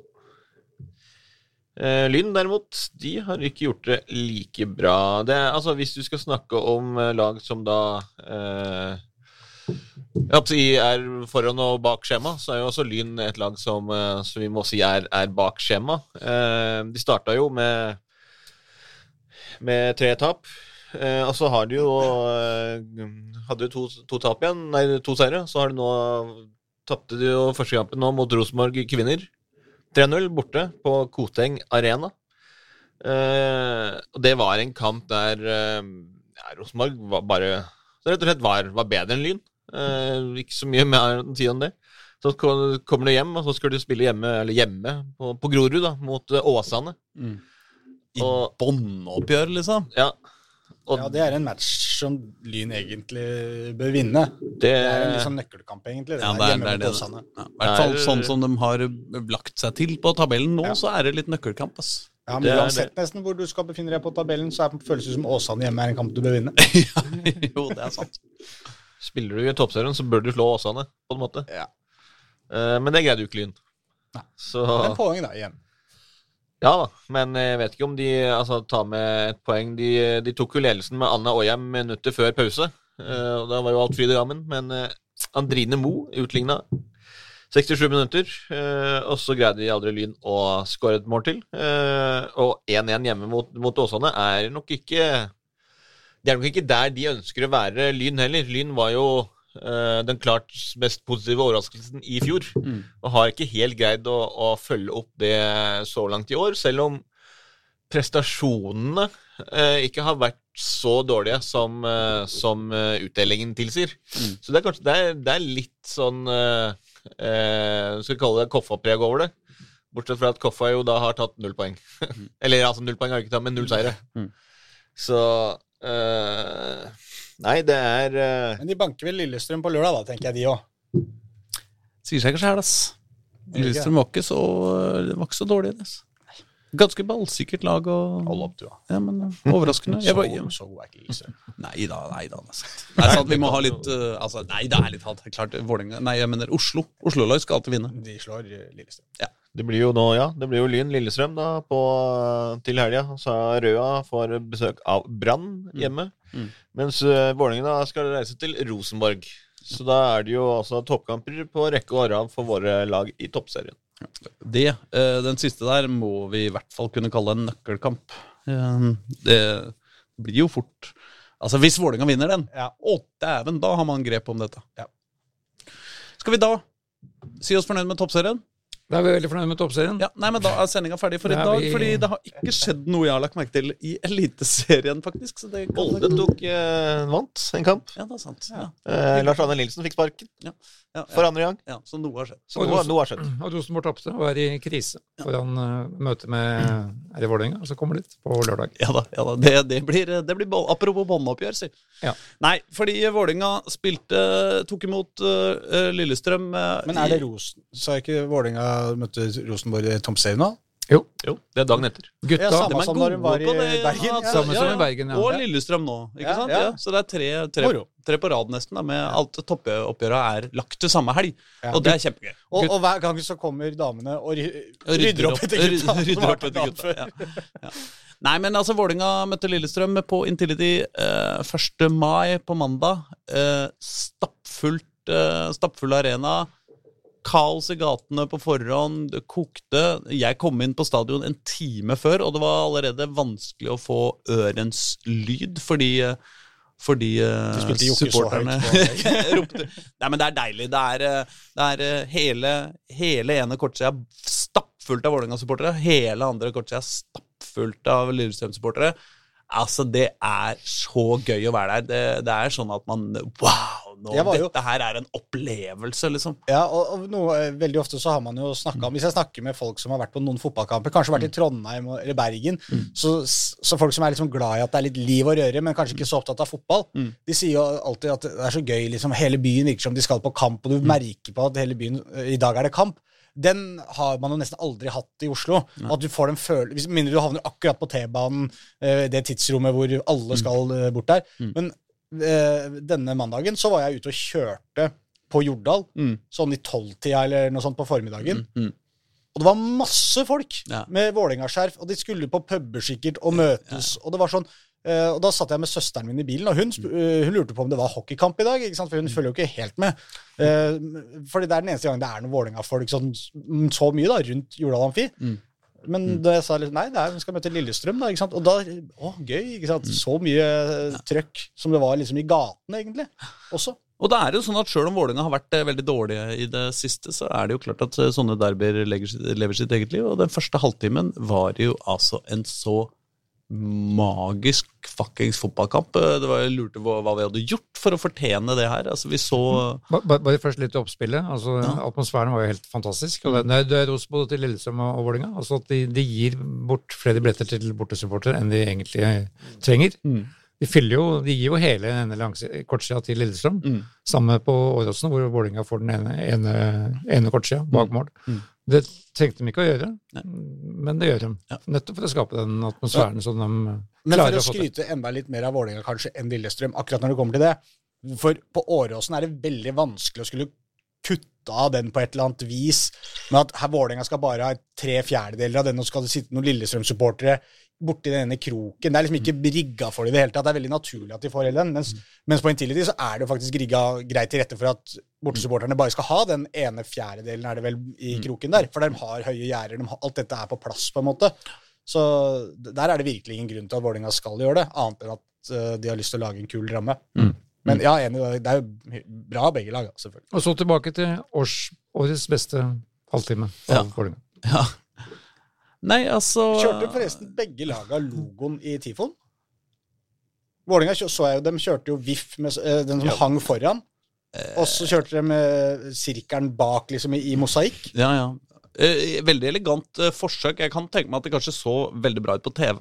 Ja, eller Eh, hvis du ser den, I hvert fall for spillerne, tror jeg, hvis du så den rett på, for da tror jeg det skulle være liksom Vålinga-logoen. Men så lurer jeg på om ikke Lillestrøm kjørte Lillestrøm-logoen på andre sida ja, også. Ja, de gjorde det. Lillestrøm eh, lagde en eh, svart og gul, og så eh, lagde de noen sånne hvite striper eh, som skulle stå LSK i. Ja, riktig. eh, som, eh, som var Men altså, begge Ja, men du ser, du ser at de, begge- de har jo lagd sirkelen på utsida der. Det er liksom svart Ja, ja, ja, ja. rundt på utsida der. Ja. Så, begge gikk for logo. Ja, og, og begge var litt sånn A for effort, holdt jeg på å si. Ja. Men, eh, men det var ikke, ingen av de så helt sånn vidunderlig ut. Nei, og, og liksom når det er disse kampene der, de som man liksom husker best, disse tifoene, er jo det når du kommer med noen sånne stikk. Mm.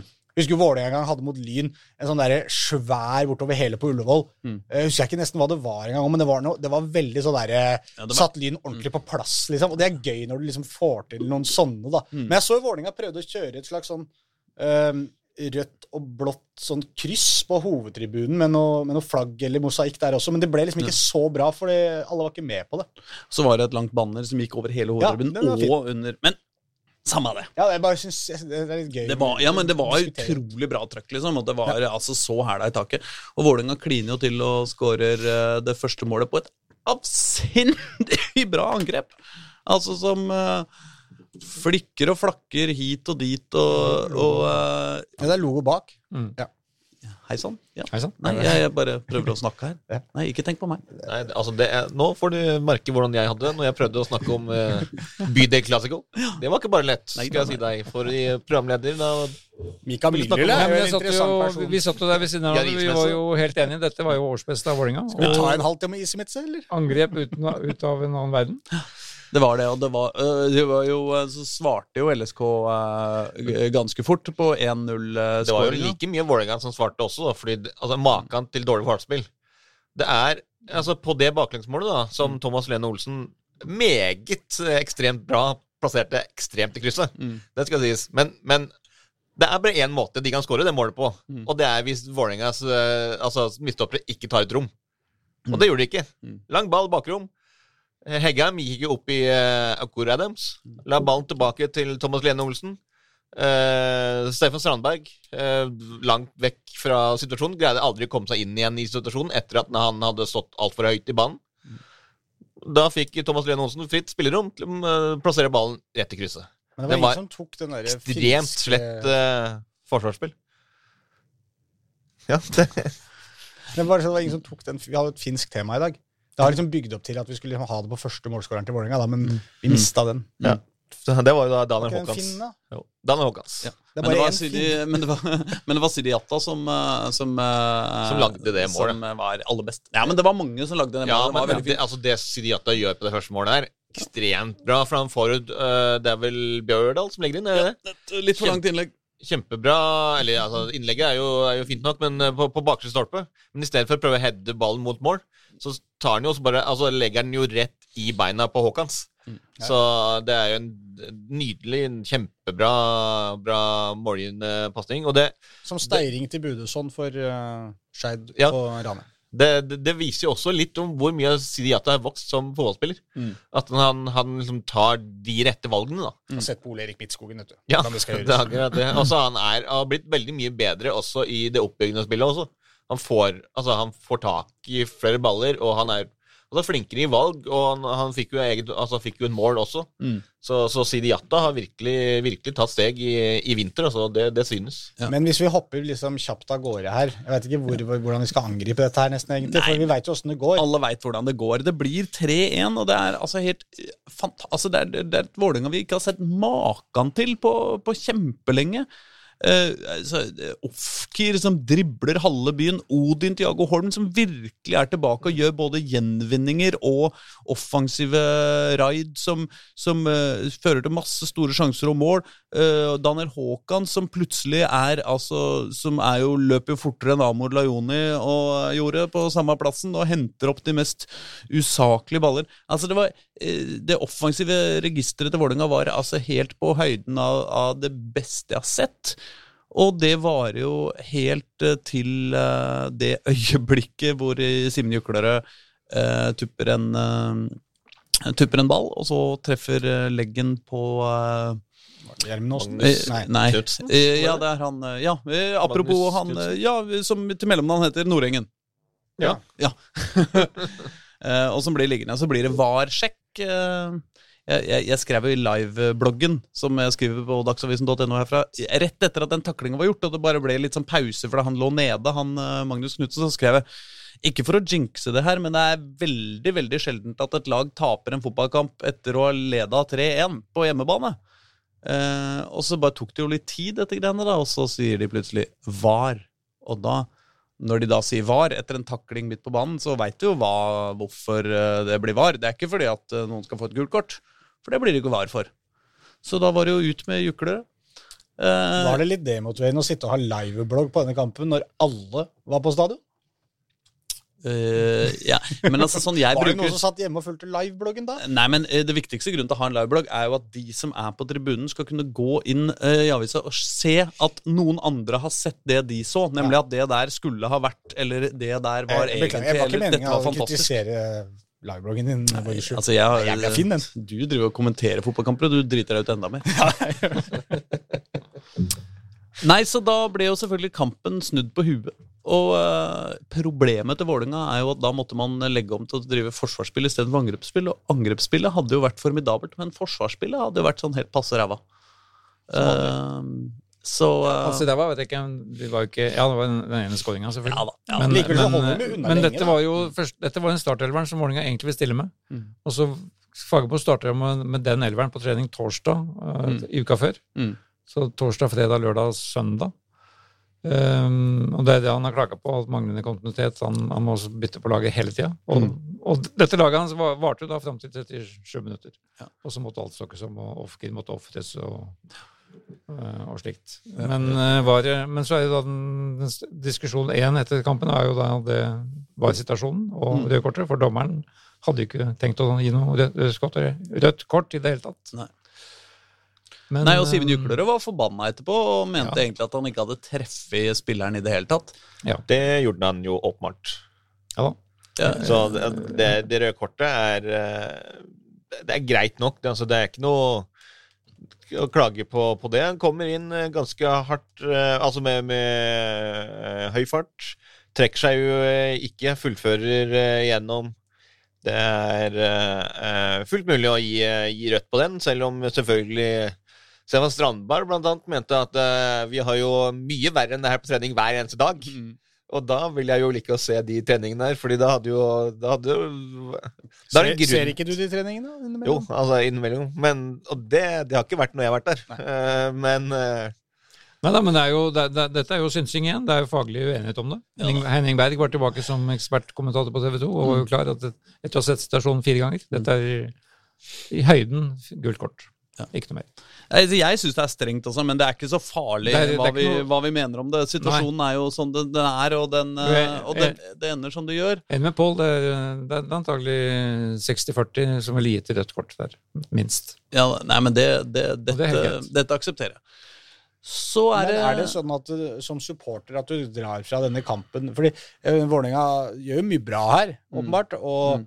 Eh, og holder jo egentlig unna lenge, bortsett kåler de det til for seg sjøl litt på slutten. Hadde man spilt lenge med bare ti mann, så det er litt forståelig. Men når jeg så det intervjuet med Eller ikke intervjuet, men da Fagmo prata inne i garderoben, det var noe klipp av han som prata til spillerne etterpå, Mm. hvor han var egentlig kjempefornøyd med alt fram til det røde kortet. var eh, Mm. Kjempebra. Mm. Og oppofrelsen og på en måte hvordan man kjempa fra det røde kortet og ut, også Mm. var veldig bra. Var det liksom også følelsen man gikk med derfra, tror du, som supporter? Eller? Altså, Ja, vi hvis du først skal tape mot Lillestrøm, Ja. så er jo dette her en, en, en, på en måte en grei måte å gjøre det på. Det ville jo vært mye verre om det var 11 mot 11 og 0-3, på en måte. Mm. Altså, eh, ikke Ja, ja. sant? Det, det, Vålinga var jo ikke dårligere enn Ja, Lillestrøm. altså- Vålinga var jo bedre enn Lillestrøm. Den måten man taper på nå, er jo egentlig den verste man kan tape på, der og da. Men dagen etterpå så jeg, skjønner jeg hva du mener, for da kan du liksom sitte og se at her, var vi, her gjorde vi faktisk ganske mye bra. Men det er jo altså Hadde du tapt 3-0, og det hadde stått 3-0, og du så at Vålerenga var helt sjanseløse, så er det i hvert fall Det er bare nedtur, på en måte. Det er ikke det slaget i trynet. Det er mer sånn Det er mer tortur, bare. Ja, for du ser jo det på reaksjonen fra klanen nå etterpå. Ja. Det var jo ikke noe, det var ikke noe buing, det var ikke noe hetsing av noe som helst. Nei. Det var jo, Alle var bare oppgitt. Ja, ja, og dette er jo ikke den kampen hvor, eh, hvor det har stått mest Fagermo alt på, eh, på eh, sosiale medier etterpå heller, på en Nei, måte. nei. Eh, folk, er, folk er sure til dels for det røde kortet, til dels fordi at det er selvfølgelig å få to mål etter 90, eller første Utligninga kom vel etter, i 90. minutt eller noe sånt, og så kommer, eh, og så kommer eh, eh, se- seiersmålet til LSK som praktisk talt det siste sparket på ballen. Men jeg syns jo det er veldig underfokusert. altså Det Vålerenga-målet som av Ja, alle. Aron Kiel-Olsen skårer. Altså, Det er jo fantastisk når Vålinga, Vålinga gjør bytter eh, ja, Det var vel midt i andre omgang eh, Mm. der, og, og hvor, man, hvor man bytter spissen. Man har Sidi Atta som utfordrer spissen, så har man Børven på benken. Og så, og så skal man bytte spiss, og så setter du inn han eh, 21-åringen, eller hvor gammel han er, som er henta fra Koffa til å være eh, midtstopper. Og så altså, plutselig setter du han uh, som spiss. Og ikke bare det, han gjør en bra jobb! Ja visst. Han ja, gjør en kjempejobb! Og så på et tidspunkt så, så, så er han i en sånn duell, sånn klassisk sånn Erling Braut Haaland-duell, på en måte. Offensivt. Litt sånn lang ball framover og litt sånn knuffing mellom spissen og stopperen. Og så greier han å komme seg forbi, og så lobber han altså så brillefint over keeper og rett i mål. Og så dømmer, uh, dømmer dommer på, uh, på armbruk i, i forkant. Og det er jo også sånn Altså, der vil jeg si at uh, prosentvisen der i, Altså, det er ikke riktig å dømme der. Det er ikke fullstendig gærent heller. Nei, nei. Det er ikke liksom sånn derre Dette kan aldri bli dømt, men når du Det er liksom noe med at uh, åh, du, Altså, det, det, er, det føles urettferdig, da. Ja, så plusser du på det. det røde kortet i samme kamp. da, på en måte. sant? Så har du to situasjoner som du føler er litt sånn i grenseland begge to, Ja. og begge går imot deg. Ja. Da går, sitter du igjen med en ganske dårlig sum, da. Det er en dårlig følelse. Det, det er Og klart. hvorfor sjekker de ikke VAR, den skåringa? Ja, men det kan jeg si deg. det. Det sa er dommeren etter kampen. Ja. Ja, for Dommeren sa nettopp det, for at han har tatt den avgjørelsen. At her er det nok kontakt. Ja.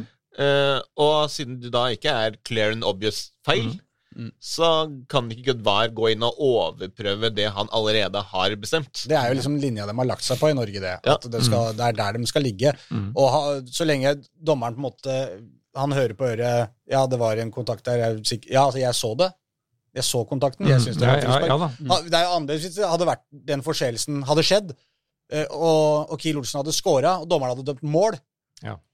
Eh, Ja, og han hadde fått høre på øret Det var en kontakt i forkant der, så du det? Og han hadde sagt Nei. Nei, det så fikk jeg ikke med meg. Den må vi kikke på. Men hvis han da hadde sagt jo, det så jeg, den syns jeg var grei. Så Da ville skal det det jo sies måte. at det er jo en viss ironi her. Fordi at i den røde kort-situasjonen tidligere, kamp, eh, tidligere i kampen, så har jo også dommeren sett at det er kontakt. Ikke Ja. sant? Han dømmer jo Ja, ja. frispark mot Juklerød, så Ja. han har jo åpenbart sett at Ja. det var kontakt. Mm. Likevel, så den situasjonen kan VAR gå inn og endre, fordi at den kontakta var verre enn det dommeren trodde den var. Ja, dommer, ja men VAR kunne gjort det på skåringa òg. Mm. Det er ikke det. De, Mm. de kunne gjort det, men hvis dommeren føler seg såpass sikker på at han så akkurat det som skjedde Mm. altså Taklinga, da kan det hende at Hvis han får høre at ja, men treffpunktet er midt på leggen, Mm. og dommeren Å ja, ok, var det det? Ikke på foten, nede på foten Kanskje man kanskje trodde, da, utgangspunktet. Det, skal ikke jeg, det vet jeg ikke, men det kan ha vært noe sånt. At da Ok, da må jeg kanskje kikke på den en gang til. Men ja. Det, Men altså, dette er jo, sånn er jo livet. Jeg syns jo på en måte at hovedhistorien altså, Det er jo selvfølgelig vondt når Vålerenga er i en så dårlig periode, og så har man på en måte greid å løfte seg til dette, dette derbyet, eller dette erkefiendekampen, liksom. Og så likevel så får man ikke igjen noe som helst, og så ligger man igjen da og surrer ned på bånn av tabellen eh, etter, etter egentlig noe som var en bra prestasjon. Og, og, og laginnsatsen var tilbake, og man hadde på en måte fått til noe, da, så får man liksom ikke noe uttelling. av det er selvfølgelig bittert.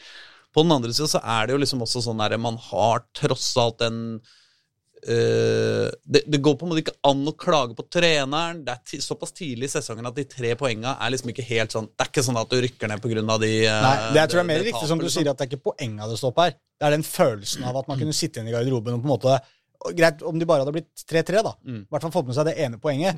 Så hadde man liksom sittet der og tenkt Fader og bra jobba. Kjedelig med det siste der, men vi tar ett poeng. Spilte over en omgang med ti Mm. mann og spilte glitrende fram til det. Ok, nå er det bare å kjøre på videre. Men når du sitter igjen med ingenting, så blir det mer sånn Uansett om Fagermo står og sier at det er dritbra, gutta har jobba, liksom, så er det sånn Vi trenger å juble, vi trenger å juble litt. Vi trenger den der feiringa. Snakket litt med, med Aron Kiel Olsen om det i går, for han var jo på, på Koffa-kampen. Mm. Eh, og han sa at han hadde fått håper ny uh, jeg ikke nyfunnen respekt for, for angriperne. Men altså, når han plutselig var i den situasjonen selv Fordi han sa jo at sånn, hvis han hadde vært forspiller i samme situasjon Mm. som han uh, Lillesand-spilleren som går ned med, med krampe og prøver sånt, Mm. så hadde han jo sagt at det var soleklart frispark til seg selv. Mm. Det er jo akkurat samme som han sa. Uh, han brukte jo det der som alle andre gjør. Altså, når du er forsvarsspiller, løper mot egen dørlinje, Mm. og det er liksom kontakt i ryggen, så går du ned, får frispark Mm. 100 av 100 ganger. Mm. Og det var litt det samme uh, som han sa her også. Mm. Hvis han hadde vært i den samme situasjonen og kjent liksom, den der lille kontakten eller fått krampe eller et eller annet, så hadde han gått ned på akkurat samme måte. Mm. Men igjen Men så da er er den det litt grei, for den er fryktelig billig, ass. Ja, ja, men igjen så sa han Han sa jo det. Altså, det skulle jo Altså, han er jo solklar på at det skulle være et mål. Mm. Han var jo, det var jo ikke det. Men, men han kunne jo forstå det også, fordi Ja, ja. han er jo faktisk forsvarsspiller. Mm. Så han kjenner jo de triksene som han Lillestrøm-spilleren brukte for å få det, det frisparket. da. Og så har vi jo kritisert Fagermo, og mange har gjort det for mangel på overraskende laguttak, men vi må si at det var vel ikke mange som så at Aron Kine Olsen skulle avslutte den kampen som spiss. Nei, det er faktisk sant. Det er kanskje noe vi kan, kan vi kalle det en plan B, eller? Det kan vi kalle Har vi fått en Fagermo-plan B? Det er jo herlig. Ja, ja, det er fantastisk. Ja. Ja. Men Det kan vi ta med oss av positivt uh, fra denne kampen. Og så taper da Rosenborg noen dager etterpå mot Brann, Mm. og er et skadeskutt dyr når Vålinga kommer opp dit på lørdag. Ja. Og det blir jo da en ny interessant. Hvordan skal angri- Vålinga angripe den matchen der? Sannsynligvis på samme måte som mot, mot Lillestrøm. Og da Med tupp i leggen. Tupp i leggen. Nei, for det blir jo en veldig interessant eh, Rekdal mot Fagermo i den, den kampen her, med den situasjonen som begge, begge klubber er i. Ja, men Vålerenga ut der eh, på Lerkendal. Bånn gass fra start. Hjemmepublikum som allerede er veldig misfornøyde med Rosenborg, får de- egne supportere mot seg. Ikke sant? Det er jo, oppskriften er jo klar der. Mm. Det er jo det som er eh, Og får dem til det, så kan de fort vinne den kampen.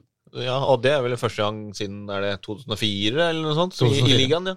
Det, Men de kan fort nå. ligger Ja, det er akkurat det. Eh, altså Rosenborg, men sånn forrige kamp Rosenborg spilte hjemme, det var mot Sandefjord. Det var en helt fryktelig kamp av Rosenborg. Skapte nesten ingen sjanser Ja, det det jeg mener. hjemme mot Terskelen for at hjemmepublikummet der blir veldig mugne og sure tidlig, er jo til stede. Mm. At der blir det roping og skriking på egen lag. Det er jo det som er Det er jo Grorud-nøkkelen, det. Mm. Alle lag de møtte i første divisjon. Sørg, ikke sant? Du møtte Grorud, hva er det for noe? Hun var nyopprykka. Syntes det var helt bånn, ikke sant? Og så tok det Hold nullen første halvtimen på Fredrikstad stadion, eksempel. Så er mye gjort. Da begynner publikum å bli dritsure, ikke sant? Klarer faen ikke å score mot Grorud engang, ikke sant? Og da begynner spillere å bli usikre, og det er liksom den samme tralten. Så kjør Grorud-strategi oppe på Lerkendal. Du veit du er i underholdningsbransjen når din, eh, din største mulighet for seier er å, framkalle sutring. Ja. Dere, jeg lurer på om vi skal takke for oss, ja. Ja, det blir neste helg like omfang Nei, like hendelsesrik som denne, så ja. vi- Nå skal jo da i hvert fall Vålerenga spille to ganger mot uh, i Trøndelagen, så vi får håpe Ja. det blir eh, at, at det ikke kan gjenta seg akkurat på samme måte som sist. Nei. At det blir først tap på så seier. Det hadde vært hyggelig, da. Men vi veit jo at damene redder dagen. Det gjør redder helga. vi gleder oss. Det gjør vi. Ha det! Ha det. Ha det.